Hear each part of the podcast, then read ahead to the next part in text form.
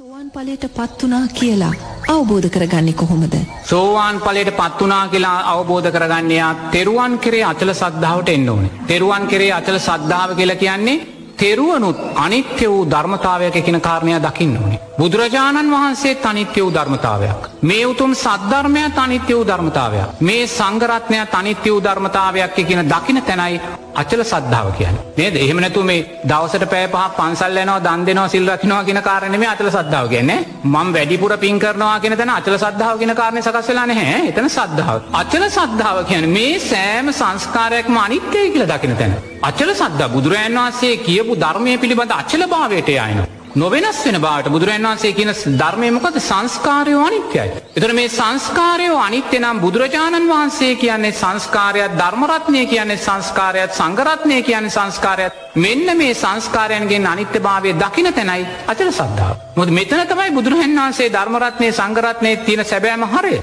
එහෙමනැතු මං වැඩිපුර පින්කං කරනවා මං වැඩිපුර සිල් සමාදන් වෙනවා මං වැඩිපුර මෛත්‍රී කරනවා කියලා අචල සද්ධාවක් නෑ ඒක සද්ධාව. අචල සද්ධාව කියන මේ සෑම සංස්කාරයන්ගේ අනිත්‍යභාවය දකින. තෙන් එතුරේ අචල සද්ධාවය තුළ තියෙන්නවා. දෙක සීලේ ආර් සීලයක් හැටියට වැඩෙන්නවා. ආර්ය සීලයක් හැටියට වැඩෙනවා කියන්නේ සීලේ සංස්කාරයන්ගේ අනිත්‍යභාවය දකිනවය.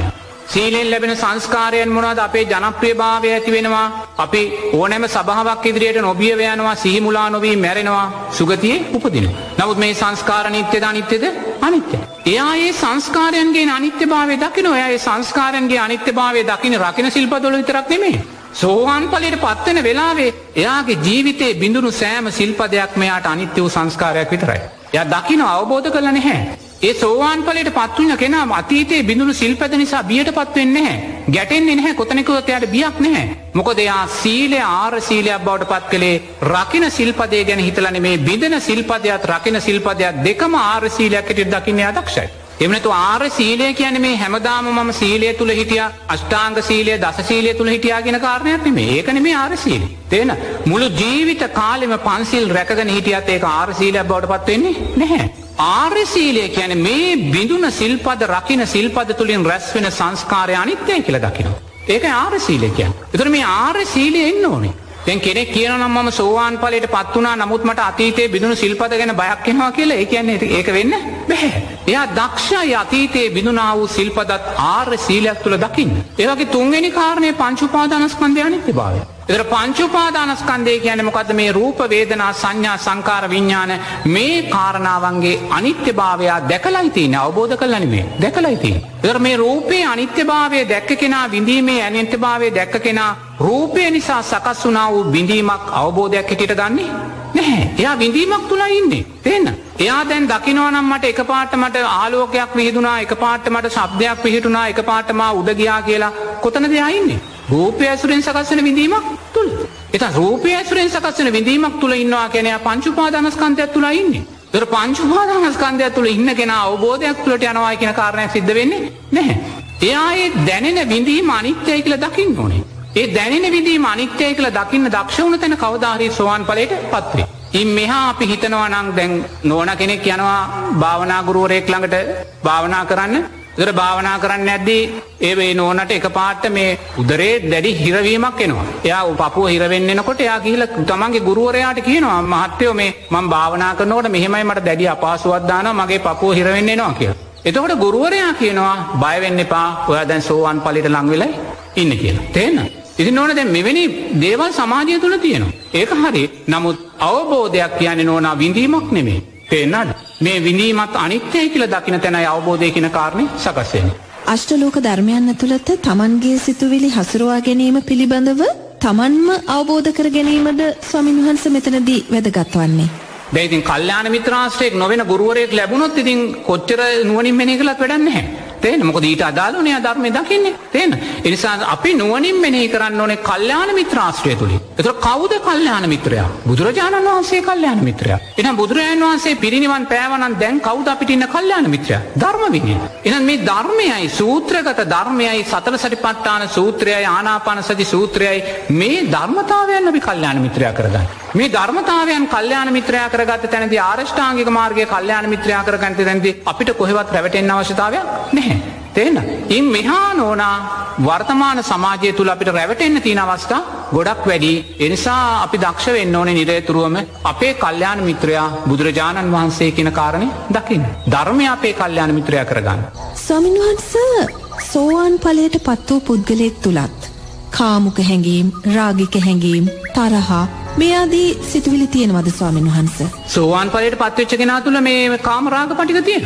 තේෙනද කාම් දැම් බුදුරන් වන්සේ දේශනා කරන කාමතන්හා භවතන්හා විබෝතන්නා කියලා. තේෙනද තොර කාමතන්නා කියලා කියන්න මොකද බුදුරජන් වන්සේ කාමේ ආස්වාදයන් හයක් කියනවා. තේෙනද මේ ඇස නිසා සකස් වෙන්න වූ කැමැත්ත චක්කු විඤ්ඥානය. කන නිසා සකස් වෙන්න වූ කැමැත්ත සෝත විඤ්ඥානය. නාසය නිසා සකස් වෙන්න වූ කැමැත්ත ගහන විඤ්ඥානය. දිව නිසා සකස් වෙන්න වූ කැමැත්ත දිවහා විඤ්ඥානය. මනස නිසා සකස් වෙන්න වූ කැමැත්ත මනෝ විඤ්ඥානය කය නිසා සකස් වෙන්න වූ කැමැත්ත කාය විඤ්ඥාන. එතොට මේ මෙන්න මේ කාරණා හය තමයි බුදුරජන් වහන්සේ කාම තන්නාව කියලා දකිින්. තේනද මේ හය කෙරෙහිති ඇතිකරගන්නාව තුෂ්නාව කාමතන්නාව. එතොට භවතන්නාව කියලා කියලා බුදුරජන් වහන්සේ දේශනා කරන්නේ උපාදානය නිසා සකස් වෙන්න වූ භවය කෙරේ තින තුෂ්නාව. තේනද තර භවය කියන බවාත්‍රයන් තුනක් ගැන බුදුරජන් වන්සේ දේශනා කරන. කාම බව රූපී බව අරූපී බව. මේ බවාත්‍රයන් තුන කෙරේ යම් කෙනෙක් තුෂ්නාවක් ඇතිකර ගන්නවන එක බෞතුෂ්නාව කියලා තියෙන. තියෙන දැන් කාම තුෂ්නාව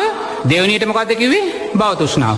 දැන් එතොට බලන සෝවාන් පලට පත්වෙච්ච කෙනා තුළ. කාමතුෂ්නාව තියෙනවා. තියන්න.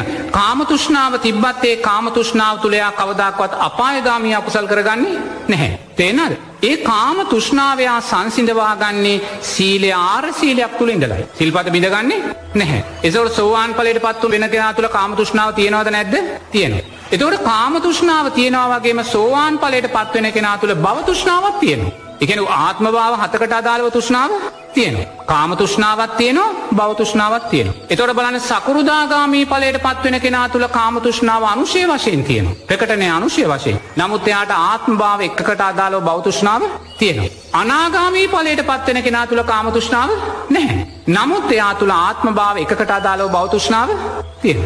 කාමතුෂ්නාවත් බවතුෂ්නාවත් දෙකම නිරෝධය කරන්න කවුද ප්‍රාතන් වහන්සේ. ප්‍රාතන් වහන්සේ නිරෝධය කරන්න. එතෝට එහෙමනම් සෝවාන් පලට පත්වෙච්ච කෙනා තුළත් කාමතුෂ්නාව තියෙනවා බෞතුෂ්නාව තියන ආත්ම භාව හතකට අදාළව සකෘදාගාමී පලට පත්වෙන කෙනා තුළ කාමතුෂ්නාව අනුශය වශයෙන් තින බෞතුෂ්නාව තියන එක භවයට අදාළව අනාගාමී කෙනා තුළ කාමතුෂ්නාව නැහැ නමුත්‍යයාට එක ආත්ම භාවකට අදාළව බෞතුෂ්නාව තියෙන. සකෘදාගාමි කෙනට ආත්ම භාව දෙකට අදාළ බෞතුෂ්නාව තියෙනවා. ඉම් මෙහා සද්ධානුසාරී දම්මානුසාරී පුතක් දෙන කියන මේ සෑම කෙනෙක්ම කාමතුෂ්නාවත් බෞතුෂ්නාවත් තුළයි ජීවත්වෙන. තේනද. එතකොට කාම තන්හා බවතන්නා තුන්වෙනික විබහතන්නා. විබහතන්නාව කියලා කියන්නේ භවයක් නැහැ කියලා ඇති කරගන්නාව විශ්වාසය. තේනද. ධාතන කාමතන්නා මෙතන බවතන්නා තුන විභවතන්නාව කියන්නේයා භවයක් නැහැ කියල ඇති කරගන්නාව විශ්වාසය. දැන් සමාර අන්‍යාගමක පින්වතුල්ලා ඉන්නවා ඒකුල නැවතු උපතක් පිළිබඳ විශ්වාස කරන්නේ නැහැ. තේන දැන් සමහර බෞද්ධයම ඉන්නවා හොඳට කාල බීල ඇඳලා නටල කරලා ජීවත් වෙලා සුවසේ ජීවත්වෙන්න නැවත අපිට උපතක් නැහැ. එහෙමයි කියන්න. ජීවත්ව ඉන්නකම් හොඳට කාලබීල නටල ජීවත්වවෙන්න මරණයෙන් පස්සේ සියල්ල ඉවරයි මොකක්ද මේකට කියන්නේ බෞතුෂ්නාව. තේරනල් ලෝකේ බහුතරය ඉන්නේ විබෝතුෂ්නාව තුළ. තේන ඒකොල නැවත භවයක් පිළිබඳ විශ්වාසයක් නැහැ දැන් මං ගිහි කාලේ මන්දන්න එක මහත්තයෙක් හිටිය එයා මත්වතුර බොන මහත්තේ ජීවිතේ මැදිවයිසරට මිල මුදල් තින කෙනෙ මේ මහත්තයා අවසාන කාලෙදි මිනි පෙට්ටියක් මල් සාලාවේ මිනි පෙට්ටියක් ගෙනලා ගේ මැද තියාගත්තා. ගේ මැද තියාගෙන මේ මත්තේ නිදාගන්න මිනි පෙට්ටිය. මොකද එයා මරණට ඒ සරම් ආසයි. එයා හිතනවා මේ මරණයත් එක්ක මේ සියලුම දුක්ගොඩ ඉවරයි කිය. එතොට මේක තමයි විබහතන්නාව කියන්න. තේනද. එතොට මේ භාම තන්නා භවතන්නා විබෝතන්නා කියෙන මේ කාරණා තුන තුළ මේ ලෝකයේ රහතන් වහන්සේ කෙනෙක්ගේ මෙහා හැම සත්වයක මේ තුන ඇතුළට එක එක ආකාරයෙන් ගොඩු වෙලා තියෙන. තේෙන්න්නත්. ඉති එනිසා නෝනා සෝවාන් පලට පත් වන කෙනා තුළ ආත්ම භාව හතකට අදාළව බෞතුෂ්නාවත් තියෙනවා කාමතුෂ්නාවත් තියෙනවා නමුත් කාමතුෂ්නාව තියෙන්නේ අපායගාමී අකුසල් නොයනාකාරයට. ස්වාමින්වහන්ස